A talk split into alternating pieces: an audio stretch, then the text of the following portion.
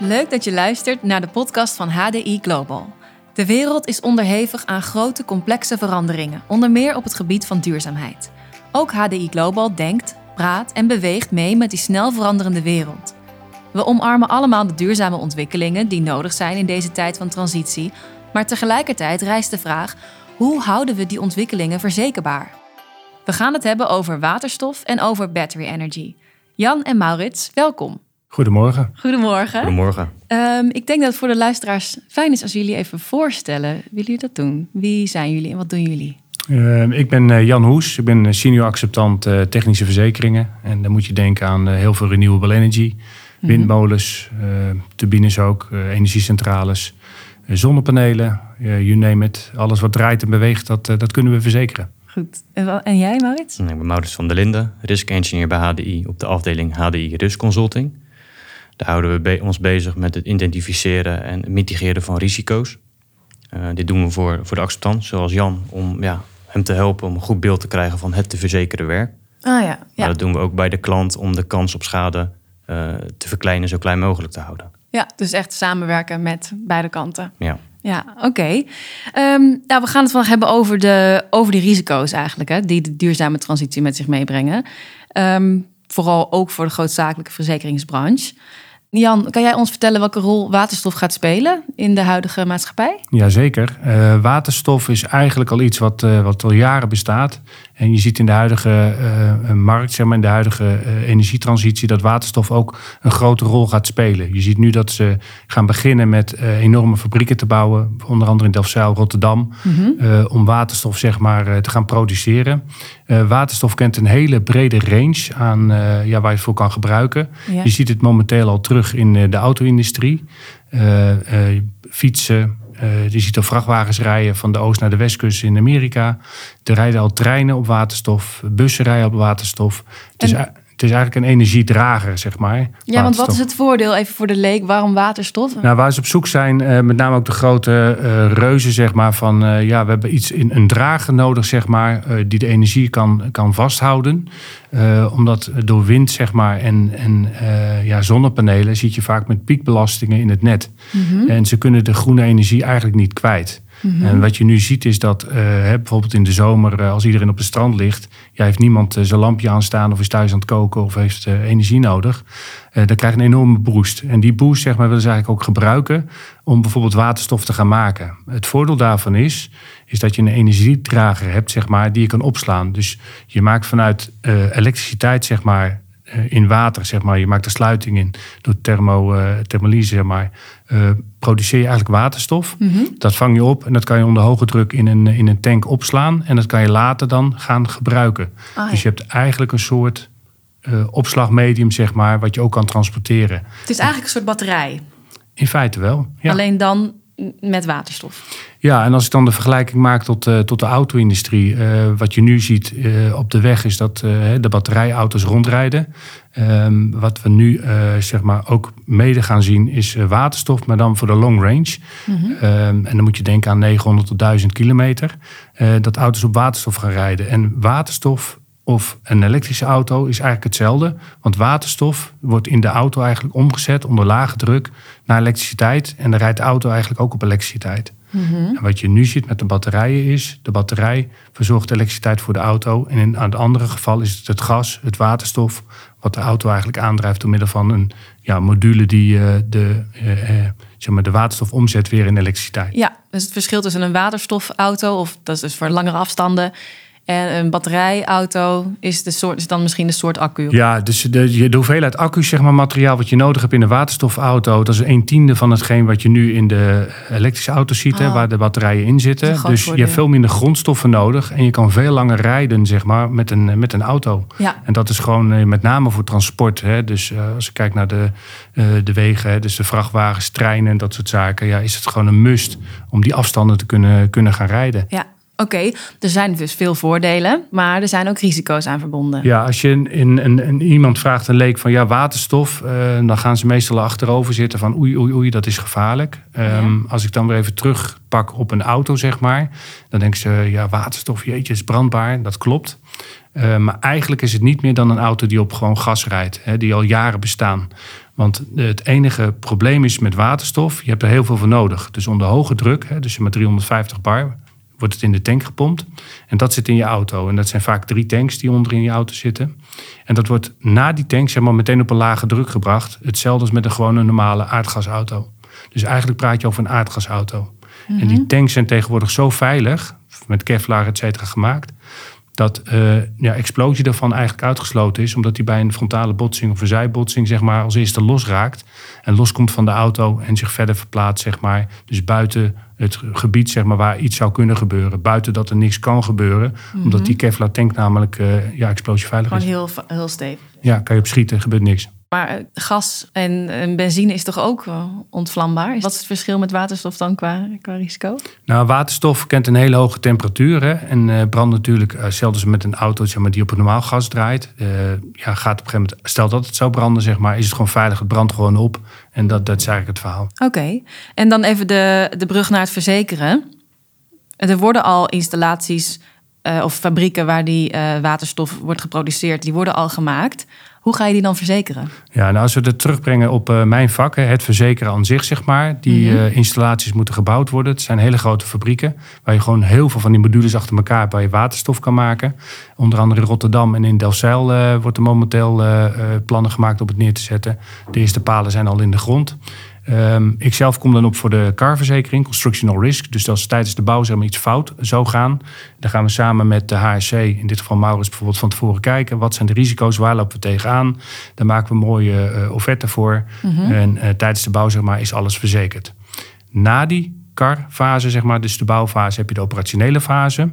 Dan praten we over een operationele dekking, machinebreuk, machinebreuk bedrijfsschade en de reguliere brandverzekering die iedereen kent, met eventueel een bedrijfsschade er ook weer aan vast.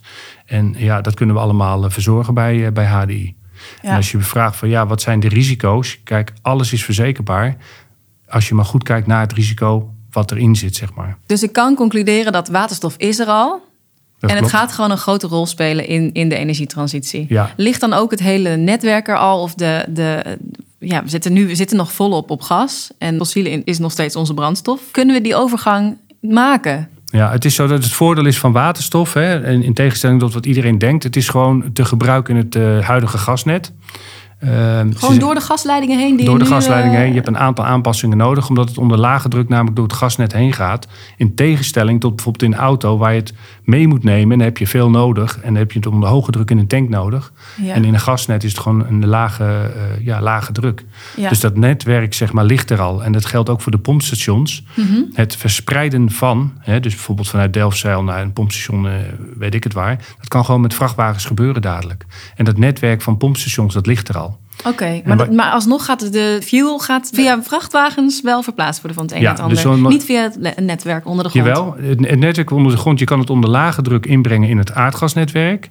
Mm -hmm. En je kan het onder hoge druk in een tank doen, dat je veel meer mee kan nemen. En dat kan je dan weer verplaatsen naar pompstations, et cetera. Okay. Wat je nu ook ziet is dat ze lokaal, hè, dus bij pompstations zelfs opladen. Dat zie je bijvoorbeeld bij, uh, bij Hoofddorp staat er eentje. Mm -hmm. uh, als er drie auto's getankt hebben, dan is dat eigenlijk al leeg. Dus daarom heb je eigenlijk een externe voeder nodig, dus door middel van vrachtwagens, mm -hmm. uh, om voldoende waterstof te hebben om meerdere auto's te kunnen tanken. Dus er zitten oh, ja. overal eigenlijk haken en ogen aan, maar Ja. alles is eigenlijk op te lossen. Kijk, de infrastructuur is er al. Hè, de- de- wat ik zeg van, dus met auto's et cetera, geen enkel probleem. Want de, de grote maatschappijen kunnen gewoon overstappen. Die zie je nu ook overstappen op elektrische auto's. Ik ben inmiddels ook vanuit eh, HDI eh, Global overgestapt op elektrische auto's. Mhm. En ehm, ja, we tanken ook langs de weg. En je ziet gewoon overal die dingen als paddenstoelen uit de grond eh, gestampt worden. Ja. Dus binnen 20 minuten eigenlijk eh, kan, ja, kan je weer verder. Oké, als je dan als, als klant bezig bent met deze transitie, je wil waterstof, je wil het laten verzekeren, wat kan je dan het beste doen? Eh, stel je, hebt, eh, je bent eigenaar, hè, je bent voornemens zeg maar, om een fabriek te bouwen. Eh, Mhm. Dan is ons advies ook vanuit HSC, betrek ons soms zo vroeg mogelijk bij. Zodat we ook de klant kunnen begeleiden in het totale traject. Hè, want er zijn altijd eisen, dingen waar je tegenaan loopt. Maar ook risicotechnisch kan HSC een grote rol betekenen. ja, om de boel zo goed en zo goedkoop mogelijk ook voor de klant verzekerd te krijgen. Ja, zodat je niet al halverwege het proces zit en dan ineens denkt, En ik ben nu iets aan het doen. ja. Wat eigenlijk helemaal niet verzekerbaar meer is, omdat het bijvoorbeeld niet veilig is. Denk aan brandblussing, dat soort zaken. Denk, denk gewoon mee, zeg maar, als verzekeraar. Sta gewoon naast je verzekerde en help hem gewoon een zo goed mogelijke risicotechnische fabriek neer te zetten. Daar gaat het eigenlijk om. Ja, ja. En als Ja. voorbeeld eh, biogas doen we ook. Daaruit kan je ook weer eh, waterstof maken. Die dingen hebben we ook verzekerd. Dus eh, ja, Ja, ja. Dan wil ik nu even de overstap maken naar battery energy. Ehm, elektrische auto's, om maar iets te noemen, dragen ook bij aan reductie van CO2-uitstoot. Wordt financieel steeds aantrekkelijker om elektrisch te rijden, waardoor je ook een toename ziet in de aanschaf van die auto's. Maar je ziet ook dat de verzekeringen veel duurder zijn. Ja, klopt. Waar ligt dat eh, precies aan, Maurits? Ja, elektrische auto's of elektrische voertuigen branden op een andere manier. Wat zorgt voor een verhoogd risico. Ze branden? Je bedoelt Ja, als, als- in de fik vliegen als in de fik vliegen, inderdaad. Ah ja. Een elektrische voertuig bestaat uit een, ja, uit een accupakket, uit lithium-ion batterijen. Mhm. En wanneer deze beschadigd raakt, oververhit of, of er iets is mis mee, dan kan een klein deel van die accu kan gaan branden. De energie in die accu zal ervoor zorgen dat de rest van de accu ook gaat meebranden. Dat noemen wij de thermal runway. De wanneer thermal... thermal runway, een op hol geslagen brand in zo'n accupakket. Oké. En wanneer dat eenmaal eh, ja, plaatsvindt, eh, gaan ook de andere accupakketten in die auto branden. Die hele bodemplaat van zo'n Tesla bestaat uit alleen maar accu's. Ja. Waar zit hem dan dat verhoogde risico? Nou, dat, zo'n brand, dat, die brandt gewoon veel langer dan een auto op fossiele brandstoffen. Mhm. De brand gaat gepaard met explosie en, en, ja, en vlambogen. Eh, en ook komt er eh, giftige rook vrij. Oké, dit klinkt inderdaad echt als iets Ja, wat, wat, ik, niet, wat ik niet zou willen riskeren Nee. als, als autorijder. nee. Nee. Het is ook aan te raden om YouTube-filmpjes hierover te kijken. Dan krijg je er echt een goed beeld van. Ja, is het juist wel aan te raden of eh, word ik Nou. dan heel bang gemaakt om, eh, om ooit nog een elektrische auto nee, te hoor. rijden? Nee hoor. Nee? Nee, hoor, zeker niet. En wat verder ook een uitdaging is, dat is het blussen van dit soort branden. Er is Mhm. heel veel water nodig wat diep moet doordringen in dat accupakket om de brand te doen stoppen. Oké. In de praktijk hebben we, zijn we eh, meerdere voorbeelden tegengekomen dat een, een, brandende, een brandend elektrisch voertuig in een container met water wordt ondergedompeld. Die wordt er na meer dan 24 uur uitgehaald en die begint gewoon weer te branden. Echt? En hoe kan dat dan? Ja, dat is gewoon die batterij. Je moet echt, water moet echt in die batterij komen om het echt pas te blussen. Dus als jij een emmer water op een elektrisch voertuig gooit, gaat dat de brand niet blussen. Omdat het in de batterij moet komen en die zit in principe nog afgesloten Ja. in de auto. Ja.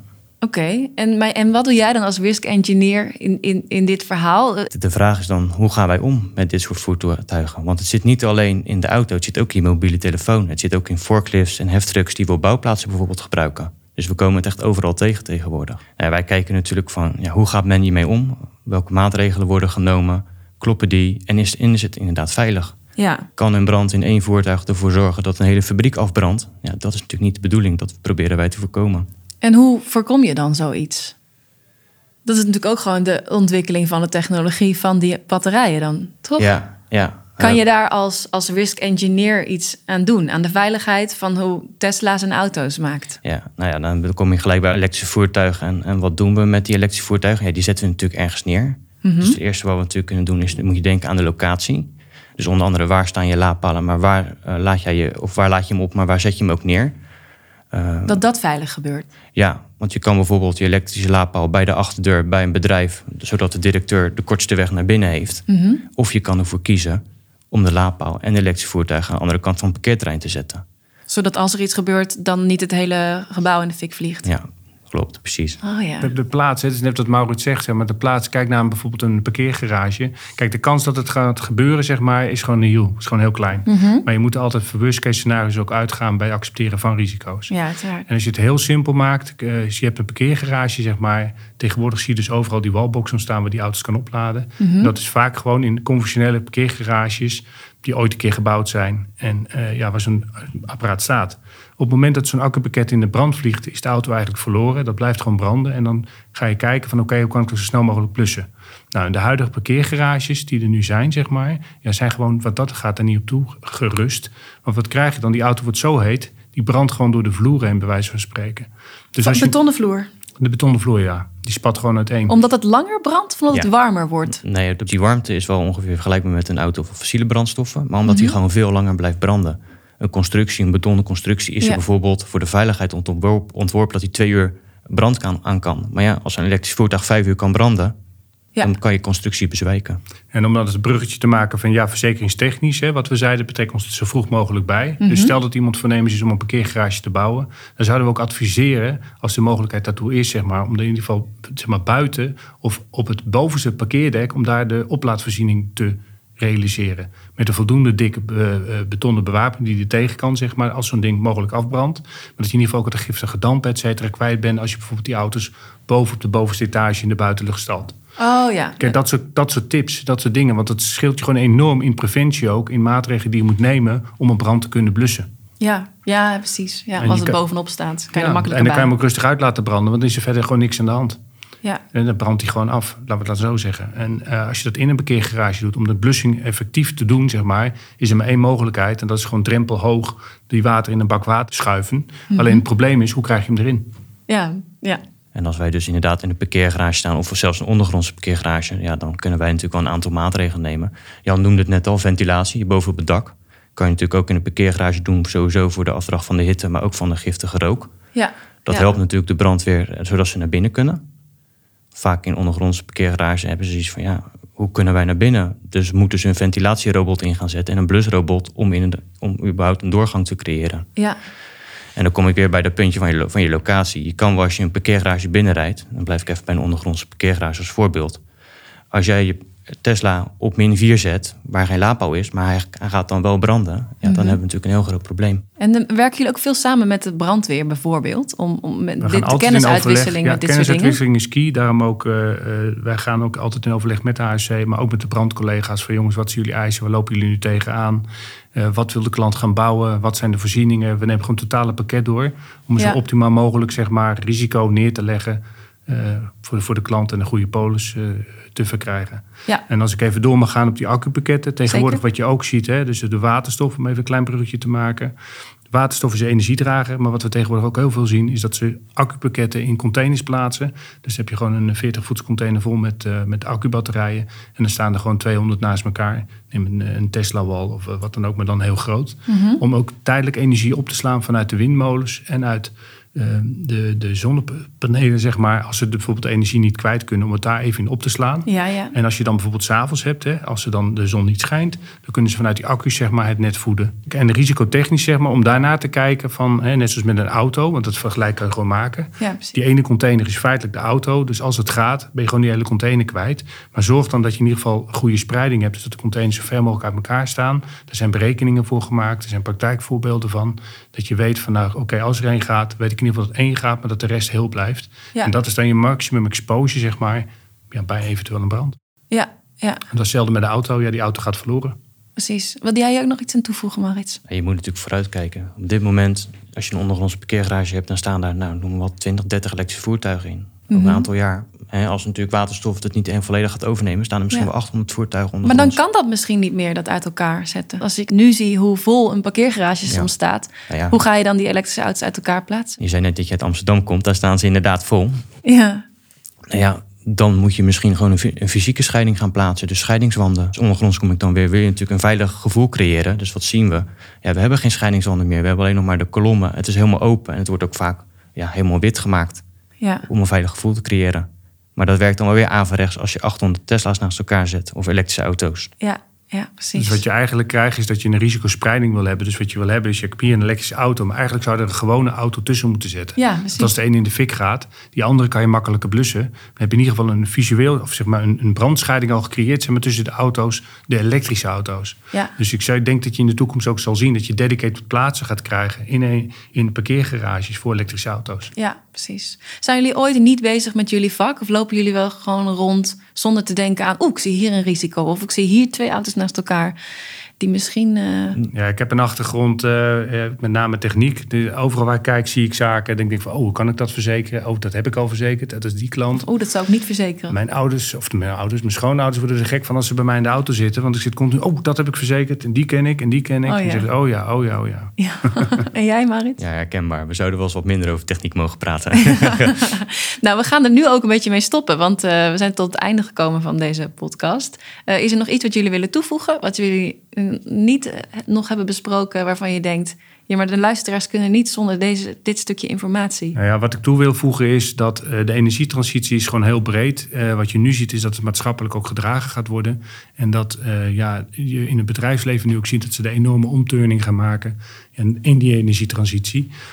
en dat biedt gewoon heel veel mogelijkheden.